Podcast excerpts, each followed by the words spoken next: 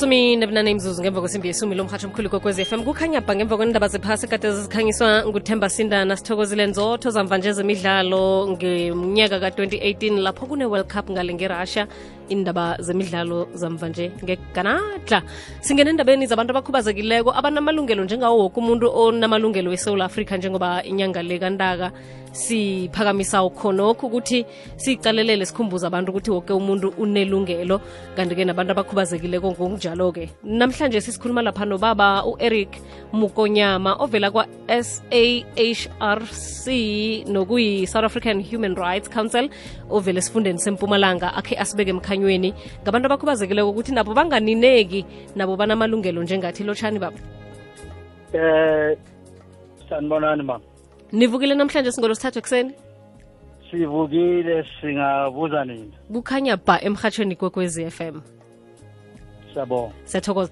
Ngokufitshazana kho sithathu sibuyisele emuva kancane ngehlangano le yamalungelo obuntu ukuthi konje ijamiselwe ukwenzani i-SAHRC i-South African Human Rights Commission i kuumnyango lo uvulelwe ukuthi ubukane namalungelo weluntu wonke umuntu la e, eMzansi eh si si chapter 9 institution sokuthi lo mnyango ovulwe ngomthethosisekelo lokuyi chapter 9 umthethosisekelo wethu Mm. ku bill of rights eh ku constitution yethu kunamalungelo wonke umuntu. Lawo malungelo abala bala futhi namalungelo wabantu labakhubazekile okay. Kungenzeka mhlawumbe abantu abakhubazekile kuba namalungelo akhethekileko kinawo woke umuntu namkhana soke siyafana? Eh sonke sinamalungelo la alinganako la afanako. Kodwa abantu labakhubazekile sibabiza njengabantu laba ba-vulnerable labantu laba kufaneka baphathwe eh, ngendlela especial ngoba njengabomake nabantwana kuwabantu la kufanele ba- bathole em isito eli elinga le- le- lelidlula kuwonke umuntu maku kufika la uthola mhlambe kune-queue kunomuntu okhubazekile Mm. kufanele ku- ku- kulethwe yena kuqala ngoba njengengishilo sithi ba-vulnerable uqinisile baba. Ngiba ukuyokuthengisa bese sibuye sokuragela phambili mina nawe. Hashtag 35 years. Kukhanya ba. masumi amabili nembili nesicundu mzuzu ngemva kwesimbi yesumi. Lo mhatsho omkhulu kokwezi FM hashtag 35 years kukhanya ba inyanga yamalungelo wobuntu esewula afrika abantu abakhubazekileko nabo banamalungelo. Fanele ukuthi lapho kunye baphathwe ngokukhethekileko utsho njalo ubaba eh, umkonyama esinayo ovela lapha ehlanganweni yamalungelo wobuntu esewula afrika okuyi-south african human rights commission lapho asicalele khona indaba yabantu abakhubazekileko namalungelo wabo. Asiragele phambili baba umkonyama. Um kanengi-ke njengoba kade utsho nje ukuthi kufanele abantu abakhubazekileko baphathwe ngokukhethekileko kuyenzeka kanengi babandlululwe ngokukhubazeka kwabo. Mhlambe kunendaba evane khe nizithole ezilethwa babantu abakhubazekileko babona ngathi amalungelo wabo agadangiwe mhlambe ngandlela thize eh sithola amacala amaningi sisi em leyo ngakusho kubalaleli ukuthi ukwenza lokho kuwukuphula umthetho. Mm. Eh ukuhlukumeza abantu aba- abakhubazekile kukuhlula umthetho kukuphula umthetho. So sinometela bonke abantu ukuthi mababona lokho kwenzeka. Nabo abantu labakhubazekile eh bete kithi ba- batosibikela ukuthi ba- baba nenkinga efana naleyo. Mm.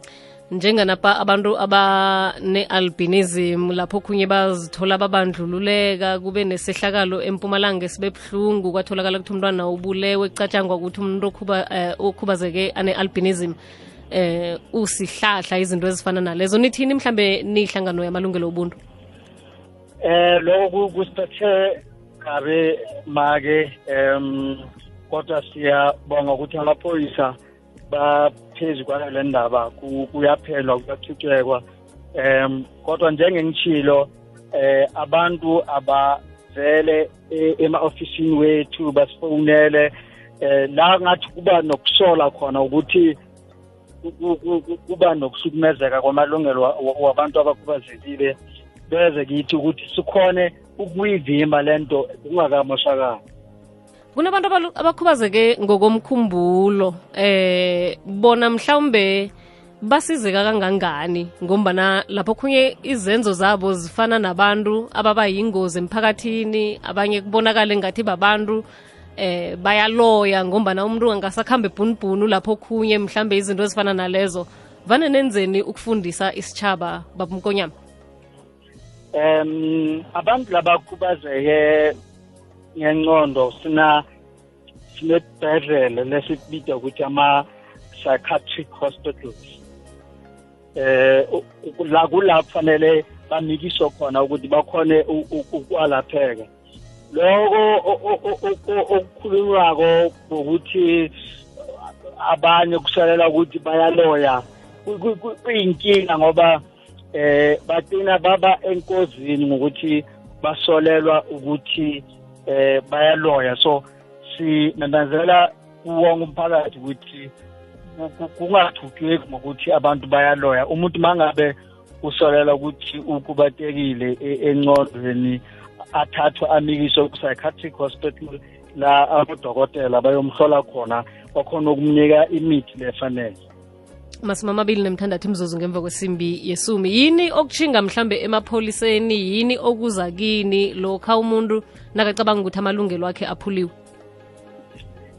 Eh njenge ngomnyango wamalungelo oluntu siyamukela noma ubani lo osolela osolwako ukuthi amalungelo wakhe ah, ahlukumezekile mangabe kuyinkinga lekufanele i- i- i- i- isebenzwa amaphoyisa eh nathi sisebenzana namaphoyisa la sitokhona ukubatshela ukuthi eh yani kumaphoyisa akuphi kuphi ukuthi bakhona ukusiza noma ala ngihlala khona ukuthi bakhona uku- uku- ukunisiza so thina namaphoyisa siyasebenzisana.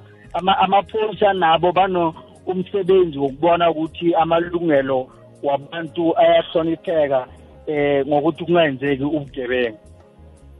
Kuzokala kamnandi babomkonyama mhlawumbe-ke eh, ekugcineni nje ungase uthini kibo boke abantu abakhubazekile kokubakhumbuza nabo ukuthi banawo amalungelo nokuthi ngengimaphi lawo ongase uwa-highlight bese-ke unikele umlaleli inomboro ze-commission.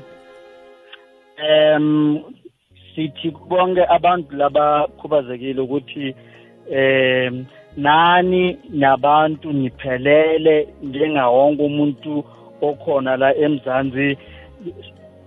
Nihluke njengokuthi em niba naloko u- u- u- u- ukhubateka emtimbeni yenu. Kodwa eh ngokuphelela niphelele njengawonke umuntu wonke ama- lamalungelo ekhona ku-constitution nani kumalungelo wenu futhi ukudlula lapho nina nina malungelo ukuthi nibe ne-preference si- si- si- si- sinithathe njengabantu lakufanele ba- bahlonishwe kakhulu. Eh mangabe niba ne- nenkinga yamalungelo wenu ngokuhlukumezeka ngicela nisithinteni ku-078 670 4360 078 670 4360 noma ku-013 752 5890 siyathokoza babomkonyama ukuba nawe lapha kukwekwezi FM thokoza mina mama